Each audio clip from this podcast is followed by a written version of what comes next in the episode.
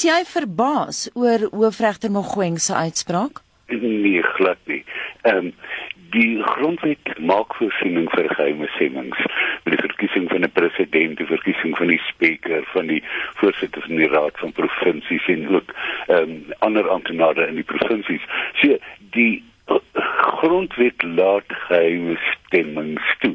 Maar in die geval van die uh, moesie van wantroue is die grondwet nogal swaaksaam. En toe oor die hof gesê, maar daai moontlikheid van 'n geheime stemming bestaan in die grondwet en sy het die diskresie om dit te gebruik of nie te gebruik nie. En dit is uh, baie duidelik dat haar stelling dat sy nie by magte is nie is nie grondwetlik nie. En dit sou die hof bevestig het. En ook wat die hof gesê het en wat baie belangrik is en miskien bietjie uh, vergeet is in die hele debat is dat die hof kan nie inklim en dan die skoene van die parlement gaan staan en sê of sy haar diskresie die een of die ander kant moet uitoefen.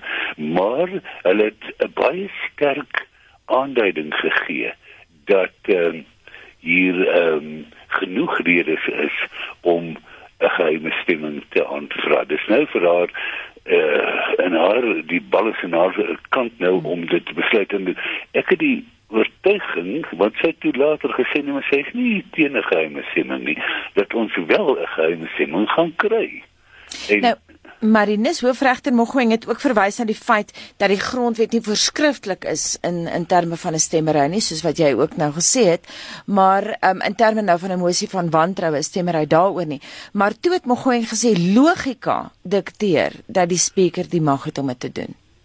Ja dit is 'n uh, dit is 'n parlementêre stemming en as jy mens aan die grondwet kyk, dan is dit logies daar is so 'n moontlikheid en dit is heeltemal logies dat sy dit kan gebruik in die uitoefening van haar diskresie. Ja, dit is 'n logiese duidelike uitspraak gewees. Van die politieke partye het die uitspraak beskryf as grondverskuivend. Wat is die langtermyn implikasies hiervan?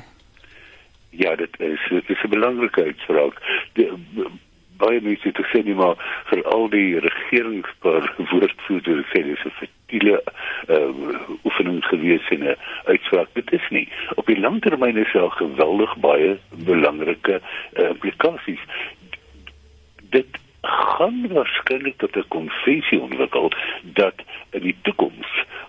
moesie van wantroue wees en dan gaan weer wees, dan kan volgende jaar weer een wees dat die konvensie dan ontwikkel dat so uh, stemming in geheim sal wees en op 'n baie lang termyn miskien sit ons oor 'n paar jaar met 'n met 'n Idi Amin hierso en die regering is in opstand en hulle die die selfs die regerende party wil ontslaa raak en dan kan hulle aandring op 'n geheime stemming. So die langtermyn uh uitwerking van hierdie uitspraak is belangrik en wat besonder belangrik is, dit vul ons grondwetlike uh bestel aan.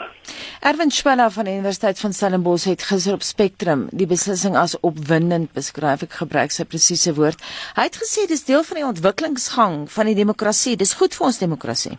Dis wat ek nou gesê het. Ja, en ek hoop dit word 'n konvensie dat by mosie van wantroue aan die president dit altyd by geheime stemming sou geskied.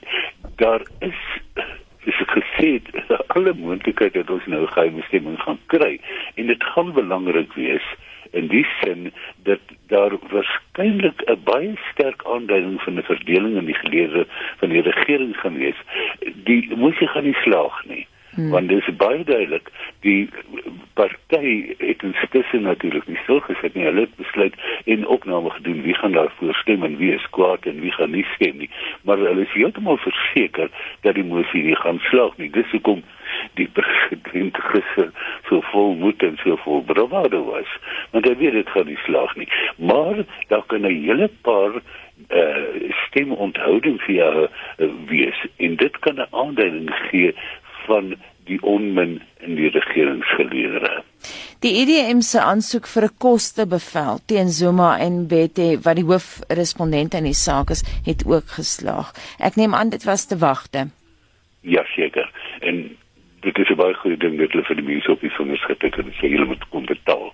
Uh as hulle werklik die grondwet in die geheel beskou het, gesien die stemprosedures wat moontlik is in die wyse en veral soos ek gesê het onder die grondwet voorsiening maak vir geheime stemming, was dit bietjie uh moetsbillig om hierdie uh aansoek te staan. As dan nou luisteraars vanoggend is wat sê, ag hoe raak dit my? Wat sê jou antwoord aan hulle wees? Ja, dis baie wel dit is self daar. Kyk, die finale mosie van vertroue of wantroue lê by die kiesers by by jou en my want die ehm um, algemene verkiesing wat kom of enige algemene verkiesing moet in die geheim plaasvind. Daar is 'n geheime stemming. Die grondwet skryf dit voor. Nou goed, ek gaan stembus toe en ek stem vir of teen die huidige regering. Dit is my mosie van vertroue of wantroue. Die uiteindelike mosie van wantroue in uh, uh, lewe die kiesers. In uh, ons wil nie ons eie rol ons dink of wel dis is 'n besige in die parlement plaas want dan moet nog wat klein steun daarso maar uiteindelik is die verantwoordelike die geheime stemming is vir jou en vir my by algemene verkiesing. Baie dankie en so sê een van die skrywers van ons grondwet emeritus professor Marinus Weggers.